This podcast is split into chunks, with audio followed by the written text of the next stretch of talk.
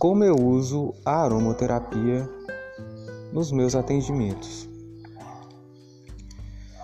No retorno após os 15 dias, a pessoa vai trazer as demandas, se tem alguma queixa, as percepções do período. E baseado nisso, eu vou fazer uma nova seleção de óleos e vou apresentar para essa pessoa e a partir daí chegaremos no óleo que ela estará usando nesse ciclo.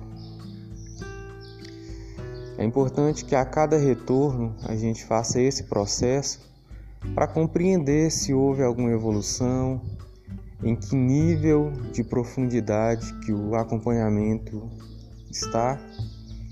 Tudo isso vai nos orientando com relação é, a até onde devemos ir, sempre lembrando que o limite é o limite da pessoa, do interagente.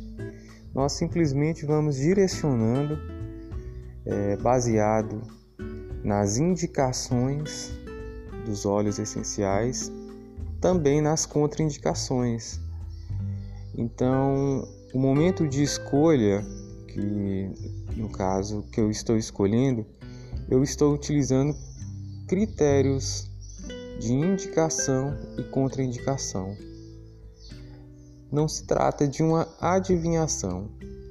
Ali eu observo quais princípios ativos, qual, qual relação emocional que os olhos têm com a pessoa e aí apresento.